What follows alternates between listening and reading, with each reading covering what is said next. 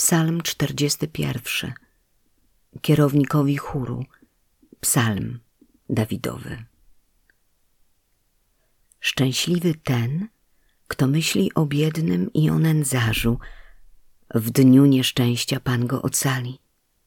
Pan go ustrzeże, zachowa przy życiu, uczyni szczęśliwym na ziemi i nie wyda go wściekłości jego wrogów.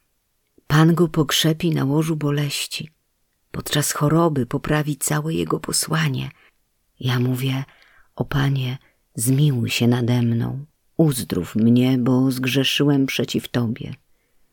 Nieprzyjaciele moi mówią o mnie złośliwie, kiedyż on umrze i zginie jego imię.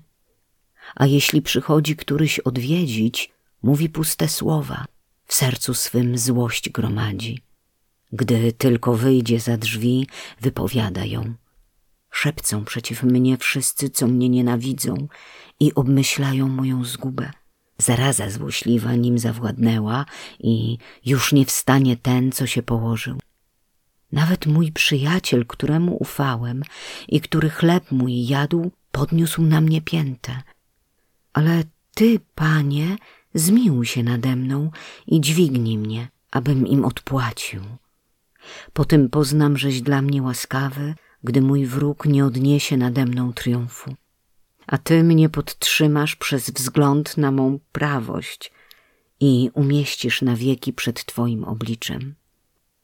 Błogosławiony Pan, Bóg Izraela, od wieków aż po wieki. Amen. Amen.